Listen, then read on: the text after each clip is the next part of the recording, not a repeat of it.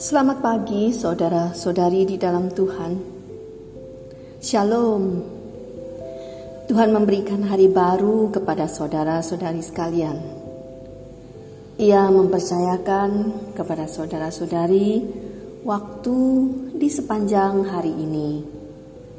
Marilah datang menghadap hadiratnya dan mendengarkan sabda firman-Nya untuk memberikan saudara-saudari hikmat, pengertian bagaimana menjalani hari ini bersama Dia. Mari kita berdoa menyiapkan hati kita untuk menerima firman-Nya. Bapa Surgawi, kami memberikan sujud hormat kami kepadamu dan juga syukur kami atas kemurahan. Berkatilah kami dengan firman-Mu untuk menolong kami sepanjang hari ini. Dalam nama Tuhan Yesus kami berdoa. Amin. Firman Tuhan pagi ini diambil dari Yesaya pasal 41 Tuhan Allah berfirman melalui Nabi Yesaya tentang apa yang akan terjadi di waktu yang akan datang. Setelah sebelumnya Yesaya menyampaikan juga nubuat tentang hukuman yang akan menimpa umat Tuhan karena dosa-dosa mereka dan juga kekerasan hati mereka yang tidak mau bertobat. Pada kali ini, nubuat dari Tuhan mengatakan yang sebaliknya, yaitu Tuhan akan membebaskan mereka dari penindas mereka, yaitu bangsa Babel atau bangsa Kasdim. Dan cara yang dipakai Tuhan adalah dengan menggunakan Kores, raja Persia. Tuhan akan menggerakkan Kores dari timur dan memberi kemenangan kepada dia atas bangsa-bangsa lain dalam peperangan-peperangan termasuk kemenangan atas kerajaan Babilonia di mana bangsa Israel berada dalam keadaan terjajah. Bangsa Israel diberitahu bahwa yang mengerjakan semua perubahan peristiwa-peristiwa besar antar bangsa-bangsa adalah Tuhan. Bangsa Israel akan sedang terjajah dan berada di pembuangan, yaitu di negara Babilonia. Mereka akan berada di sana 70 tahun lamanya sebagai hukuman karena dosa-dosa mereka.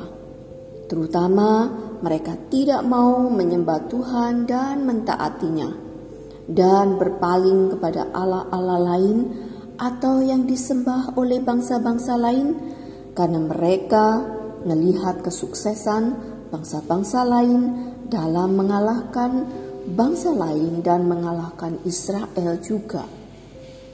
Nah, di Babilonia tidak mungkin mereka dapat membebaskan diri mereka dan pulang ke negerinya.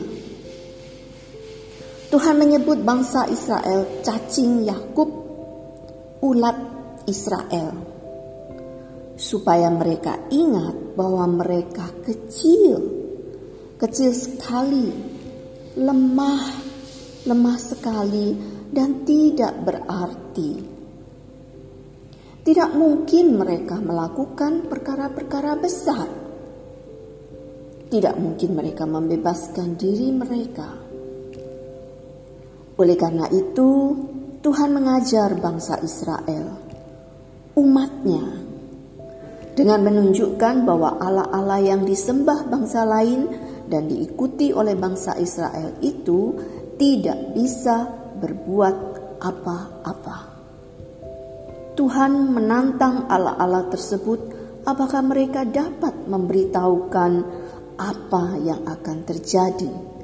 Apakah dapat melakukan hal-hal yang besar dalam kehidupan seperti menggerakkan seorang raja dan memberikan kemenangan kepada raja tersebut di setiap peperangan sehingga wilayah kekuasaannya menjadi sangat luas, termasuk negara-negara besar seperti Asyur dan Babilonia.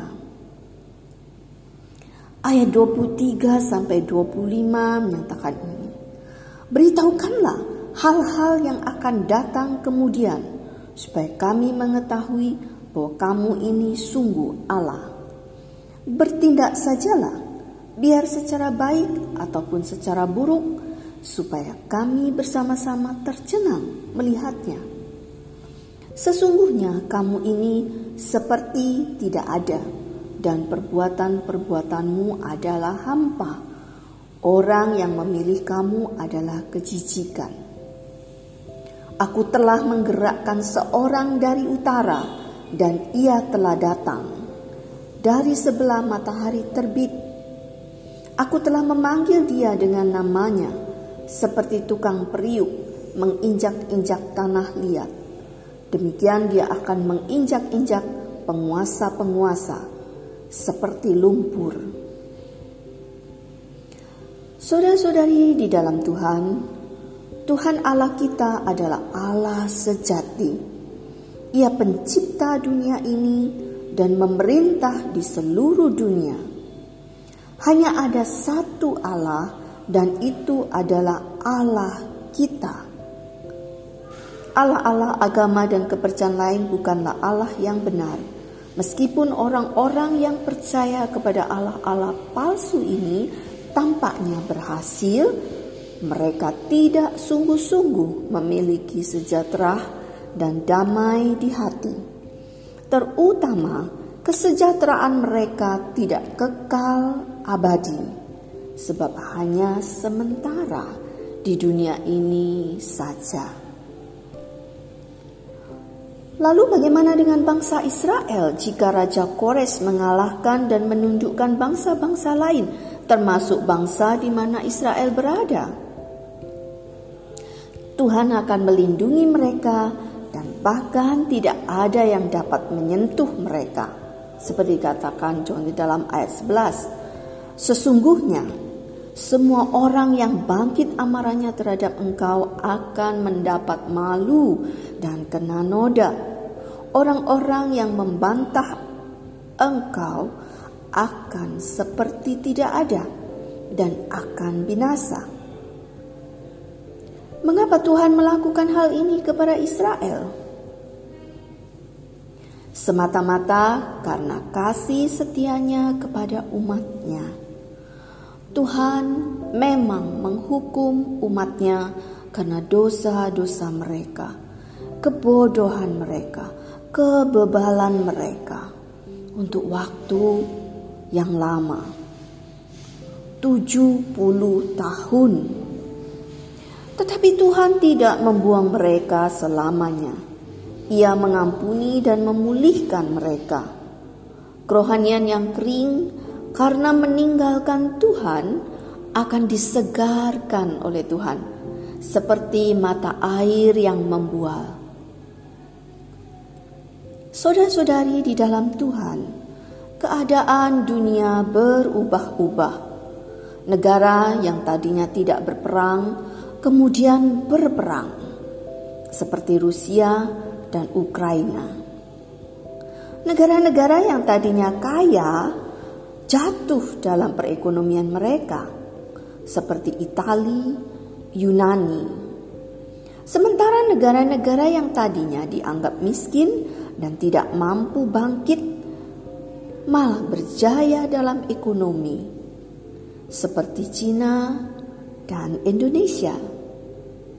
Negara-negara yang tadinya mengagungkan Tuhan dikenal sebagai negara-negara Kristen yang mengutus misionari sekarang telah meninggalkan Tuhan. Seperti Belanda, Inggris, dan Amerika. Pemerintah kita pun berubah-ubah. Tetapi Tuhan, Tuhan kita tetaplah Allah. Dia yang mengatur segala sesuatu, dia yang menolong umatnya yang percaya kepadanya dengan sepenuh hati. Bagaimanakah dengan kehidupan saudara-saudari sehari-hari? Apakah taat kepada Tuhan? Apakah dekat dengan Tuhan?